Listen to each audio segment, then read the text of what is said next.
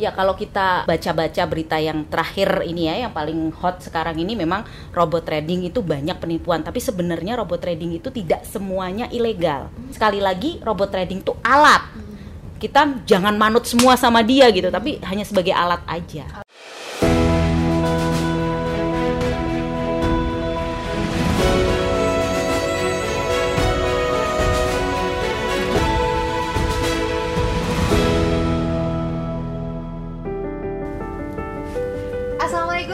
Wabarakatuh. Apa kabar Biamers? Kembali lagi bersama saya Erlina di sesi podcast Muamalah Talk dari lantai 19 Muamalah Tower Jakarta. Nah di sesi podcast kali ini kita akan bahas tentang yang namanya robot trading nih. Ini menarik ya karena uh, belakangan ini tuh masyarakat juga marak sekali dengan yang namanya investasi robot trading ini. Dan pemerintah sendiri nih melalui Bapeti kemudian melalui regulator seperti OJK dan juga Kementerian Keuangan bahkan juga mereka sudah bekerja sama dengan kepolisian ya BMers ya untuk membekukan aktivitas semua robot trading ini karena dana yang ada di investasi ini sangat-sangat besar ternyata bahkan sampai triliunan rupiah nih jadi kita akan kupas tuntas di sesi podcast Momatal kali ini dan kita sudah kedatangan langsung narasumbernya dengan Mbak Citra Kurniawati Hai semuanya, hai. Halo Mbak Citra, Mbak Citra Hai, ini Erlina. Alhamdulillah. Mbak Citra ini selaku Head of Treasury PT Bank Muamalat Indonesia dan juga sebelumnya sudah hadir juga ya Mbak Citra Betul, ya betul, betul di sekali. sesi podcast Muamalat sebelumnya nih. Boleh Ya. kenalan lagi nih Mbak Citra dengan Biamars. Ya, terima kasih Erlina. Eh, Alhamdulillah saya sehat. Eh, gimana kabarmu? Alhamdulillah harus semangat dong. Semangat ya. ya, eh, saya Citra, eh, Head of Treasury Bank Muamalat dan tentunya eh, di sini saya sebagai eh, bintang tamu. Waduh, keren banget namanya ya bintang tamu ngobrolin mengenai robot trading. Eh, mungkin teman-teman belum eh, terlalu akrab gitu ya dengan yang namanya robot trading. Nah, mungkin nanti kita akan ngobrol banyak ya mengenai Mbak itu. Citra. Oke. Oke nih kita bakal kupas tuntas jadi langsung aja nih Mbak Citra aku Yes. mau tanya nih sebetulnya robot trading itu konsepnya tuh seperti apa sih Mbak kok sampai marak sekali ya di masyarakat?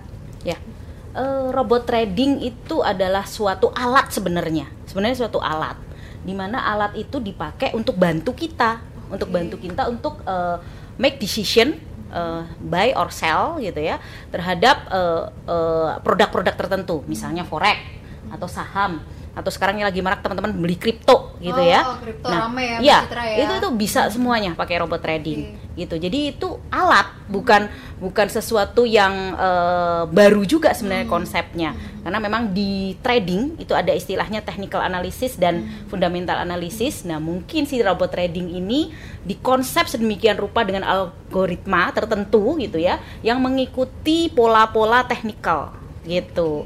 Jadi kalau eh, apa namanya teknikalnya X maka harus sell, teknikalnya Y maka ah, harus buy dan seterusnya. Tapi tetap ada eh, apa dari kita sendiri gitu ya yang ikut me, apa namanya memberikan eh, batas-batasnya gitu. Jadi tidak tidak langsung semuanya dilakukan oleh si robot itu gitu. Oke, Tetap di awalnya ya. di set dulu gitu. Oke, jadi alatnya ya, Mm-mm, istilahnya alat alatnya, bantunya ya, alat Mbak? bantunya betul. Nah, eh, kalau gitu bener nggak sih kalau semua investasi robot trading tuh ujung-ujungnya tuh penipuan gitu? Gimana dengan eh, asumsi masyarakat ini gitu? Karena sekarang kan masyarakat taunya ah robot trading nih karena banyak kasus ya. Mhm. Jadi mikirnya ini pasti penipuan semua atau gimana nih Mbak Citra?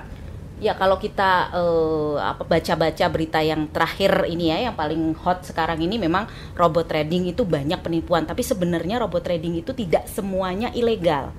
Ada yang legal tentunya dan bedain yang legal sama ilegal itu apa? Tentunya yang ada atau sudah didapatkan izin dari Bapepti tadi yang sebutin Erlina sama OJK gitu kita Selaku bisa regulator ya? betul kita lihat aja di websitenya gitu ya Eh, ada nggak nama eh, perusahaan itu atau platform itu di websitenya eh, OJK gitu ya. Kalau ada berarti itu sebenarnya legal. Tapi kalau nggak ada ya memang ya memang mau gimana ya? Itu itu itu kita sebagai consumer itu harus curious gitu ya. Harus berusaha pengen tahu uang kita itu larinya ke mana. Legal atau enggak ilegal kemudian yang kedua eh, dia mas eh, logika nggak? Logis nggak? Gitu ya. Kalau cuman eh, setor uang kemudian diem kemudian dapat uang itu nggak logis banget ya. Kayak baby ngepet dong. Nah Cepet gitu iya ya. betul betul. Apalagi Iya, iya. dijanjikan dengan eh, profit tertentu. Itu udah pasti eh, penipuan. Tapi kalau konsepnya si robot trading sekali lagi adalah sebagai alat teman-teman sebagai alat kita untuk tahu bakal ke mana sih si forex itu bakal ke mana sih si crypto itu gitu ya good point dong kita pakai alat gitu supaya menghindari yang namanya eh, apa emosional kita. Saya sebagai trader nih ya udah 16 tahun saya di Wow. treasury. Namanya emosional kita itu pasti kebawa kalau kita nggak pakai alat. Hmm. Kadang-kadang greedy-nya keluar. Hmm. Wah, masih bisa nih. Wah, masih bisa naik nih. Asumsi masih eh, eh, masih bisa naik. Karena kita greedy, kita yakin eh, kita akan dapat lebih, dapat lebih. Tapi begitu turun, kitanya nggak mau cut loss gitu kan. Karena tadi masih ah pasti naik lagi, ah, pasti naik lagi. Tapi kalau pakai robot trading udah ada hitung-hitungannya. Oh, oke. Lu bagusnya cut loss di sini. Lu akan take profit di sini. Kecil-kecil take profitnya, tapi dapat gitu. Cut lossnya juga udah ditentukan. Nah, itu itu yang harus kita set di depan eh, dengan adanya robot trading. Jadi sekali lagi robot trading tuh alat. Hmm. Kita jangan manut semua sama dia gitu, tapi hanya sebagai alat aja. Alat bantu lah. Alat bantu, ya. betul. Oke nih tadi kan Mbak Citra juga sudah sampaikan nih kalau Hmm. robot trading sendiri memang eh, apa namanya bermainnya di treasury atau forex ya. Aha. Nah sebagai eh, yang sudah berpengalaman luar biasa di dunia treasury nih, Hmm. menurut Mbak Citra tuh kenapa sih eh, apa namanya tidak diperbolehkan nih oleh pemerintah? Padahal kan juga ada loh yang eh, menghasilkan keuntungan Mhm. gitu. Atau memang tadi dasarnya eh, adalah harus terdaftar dulu di apa namanya di OJK misalnya. Ya, sebenarnya yang dilarang oleh pemerintah adalah eh, robot trading, robot trading tertentu, nggak semuanya. Jadi tetap ada yang sudah eh, mendapatkan izin ya, eh, platform tersebut sudah mendapatkan izin dan memang boleh di apa namanya eh, melakukan penjualan produknya gitu. Makanya tadi kita harus hati-hati melihat eh, mana yang sudah mendapatkan izin dan mana yang belum gitu. Jangan main klaim aja sudah mendapatkan izin dari bank sentral negara X. Emang kita tahu negara itu. Betul. Kan biasanya gitu ya eh, apa namanya tercatat di otoritas eh, negara ini gitu. Paling aman adalah tercatat di otoritas negara kita sendiri tentunya gitu. Nah, kemudian nih ada ya Mbak eh, Mbak Citra ya. Mm-mm. Mungkin ada satu perusahaan yang Mm-mm. eh, apa namanya bermain tadi di robot trading. Mm-mm. Di situ disebutkan bahwa perusahaan ini tuh sudah menyalahi aturan perdagangan di Indonesia. Mm-mm. Tapi kan sebetulnya mungkin yang saya dengar nih ya, Mm-mm. eh, sebetulnya belum ada regulasi di Indonesia yang secara khusus nih Mm-mm. mengatur robot trading ini. Jadi gimana nih Mbak? Eh, dibilang istilahnya menyalahi aturan, tapi sebetulnya kan peraturannya sendiri belum belum khusus spesifik mengatur itu gitu. Betul, betul. Pertanyaan yang bagus sekali. Yang namanya teknologi berkembang, Erlina. Jadi eh, regulator tentunya akan terus-menerus mengembangkan gitu ya peraturan karena memang maling tuh kadang-kadang lebih lebih pinter daripada ini ya tuan rumahnya ya. Jadi eh, mungkin kecepatan itu yang memang eh, berbeda ya. Dan eh, apa namanya kita harus support pemerintah, support regulator untuk memberikan informasi-informasi. Jadi kalau kita melihat bahwa suatu perusahaan itu mencurigakan, kita segera lapor. Itu jangan diem aja. Karena eh, dengan kejadian-kejadian tersebut regulator bisa memberikan regulasi yang lebih bagus lagi. Gitu. Untuk saat ini memang tidak spesifik ya, tapi ada loh dan eh, semua perusahaan keuangan di Indonesia, baik bank or non bank gitu ya, itu harus terdaftar di OJK gitu karena OJK kan dari singkatannya udah jelas gitu otoritas jasa keuangan jadi kalau jasa keuangan tapi nggak terdaftar ya harus dihindari dong gitu Karena memang robot trading ini juga istilahnya baru marak sekarang-sekarang ini ya Betul, Mbak Citra betul, ya. Jadi betul. pemerintah juga mungkin harus bergerak cepat juga ya. Betul, betul. Peraturannya mungkin belum ada tapi karena teknologinya sekarang sudah bermunculan. oh jadi betul tidak sekali mau pemerintah harus menggodok Ya. peraturan lebih lanjut ya Mbak Citra. betul ya. semua hal yang berhubungan dengan fintech saat ini kan sedang berkembang dengan luar biasa pesat gitu ya sehingga mungkin yang namanya regulasi juga tidak bi- bisa mencakup semuanya tapi kita sebagai konsumer harus pintar-pintar juga dan membantu pemerintah untuk eh, apa namanya membuat regulasi yang lebih baik Oke, Jadi saling sinergi Betul, antara betul pemerintah dan sekali. masyarakat ya. ya Nah, selanjutnya nih Mbak Citra, kan eh, katanya nih para member yang sudah join tidak bisa menarik dana karena pemerintah sendiri itu mengharuskan memakai broker lokal. Nah, itu seperti apa? Apakah berarti tradingnya di luar negeri? Kemudian mm, apakah justru dananya nih malah lari ke luar negeri juga nih Mbak Citra nih? Oke, good question. Jadi gini, kenapa sih eh, pemerintah mintanya di broker lokal? Karena kalau pemerintah yang bisa diatur adalah yang ada di Indonesia. Hmm. Kalau di luar negeri, berarti pemerintah nggak bisa ngatur dong. Oh, nah, oke. makanya memang minta eh, mereka untuk yang mau jualan nih, ya brokernya harus broker lokal. Hmm. Itu syarat dari regulator kita.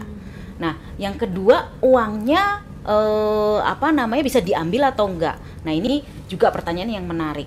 Karena apa? Karena memang kalau kita lihat nih ya, beberapa eh, produk eh, dari yang dijual pro- eh, robot trading ini, informasi yang kita baca nih ya, itu meletakkan dananya di negara yang tax haven.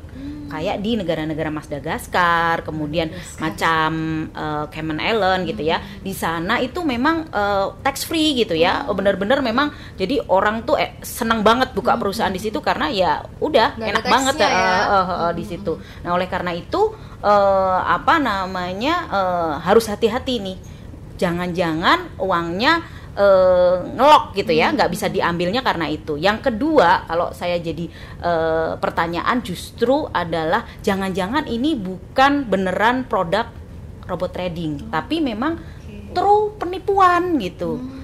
Kenapa saya bisa bilang penipuan? Karena bisa aja sebenarnya itu nggak jual nggak nggak jualan eh, produk tersebut, tapi memang sengaja mau menipu kita dengan skema-skema yang sekarang ini ada. Contohnya misalnya skema Ponzi teman-teman. Nah eh, apa namanya yang kedua mungkin dia adalah suatu perusahaan yang memang ngumpulin dana gitu ya, yang eh, diputer aja sendiri, tapi kemudian di, di karena ketika pemerintah masuk terus dianggap bahwa perusahaan ini ilegal dia ya udah kayak lepas tangan aja gitu jadi memang sudah dari awal memang sudah direncanakan bahwa ini akan eh, apa namanya duitnya akan hilang akan me- akan melakukan penipuan Oh, Makanya itu sulit ditarik ya. Iya. Harusnya kalau misalnya kalau ini memang real transaksi real itu seharusnya bisa, bisa. Nah kemudian kan eh, di Muamalah Talk sendiri nih Mbak Citra ya, Mhm. kita sudah berkali-kali nih membahas tentang resiko investasi. ya Dan eh, gimana pun kan kita juga harus tahu ya. eh, apa namanya mana sih investasi yang kira-kira di awalnya sudah mencurigakan gitu Mhm, karena kan sekarang orang itu sangat-sangat tergiur sekali nih dengan robot Betul. trading karena punya eh, apa namanya keuntungan yang besar gitu. Nah, kira-kira nih Mbak Citra ada tipsnya nggak sih biar BMers di luar sana tuh kalau mau ikutan investasi apa pun bentuknya ya, Mm-mm. termasuk robot trading ini tuh tidak terjebak ke dalam investasi bodong nih. Mm-mm. Oke, good. Eh, jadi tipsnya adalah kita yang pertama kalau buat saya 2L.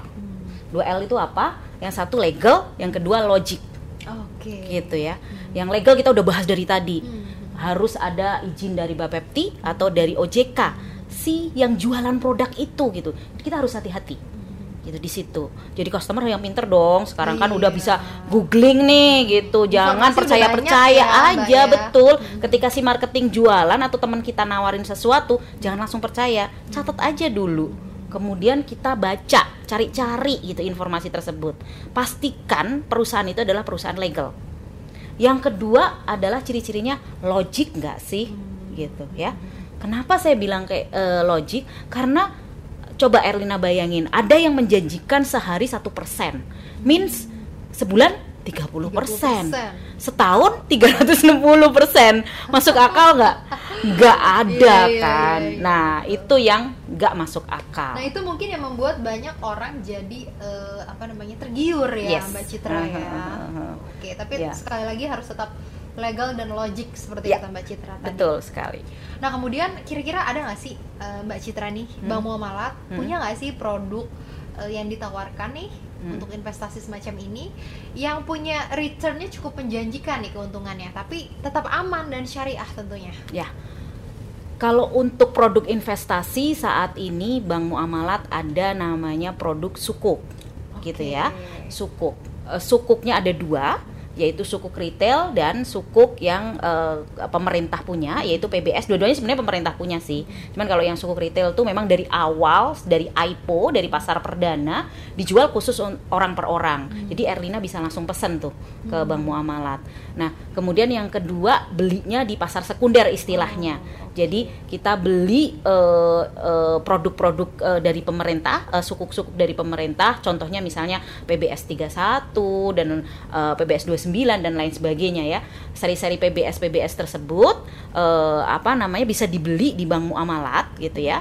Termasuk juga eh, mata uang asing yaitu USD, Indois gitu ya. Di situ eh, nanti investasinya akan dijelaskan berapa sih eh, yieldnya gitu ya. Kuponnya berapa? Hmm. memang sedikit berbeda ya antara hmm. yield dan kupon. Karena uh, yang namanya kupon itu berarti yang kita dapatkan per uh, satu bulan atau per enam bulan sesuai dengan uh, apa namanya uh, apa istilahnya uh, produk detailnya gitu ya. Tapi uh, yield itu adalah uh, total pengembalian yang kita terima imbal hasil yang kita terima dari si sukuk tersebut. Hmm jadi memang bisa aja yield tidak sama dengan kupon. Mungkin nanti someday kita akan bahas sedikit ya oh, mengenai hal ini. itu gitu ya.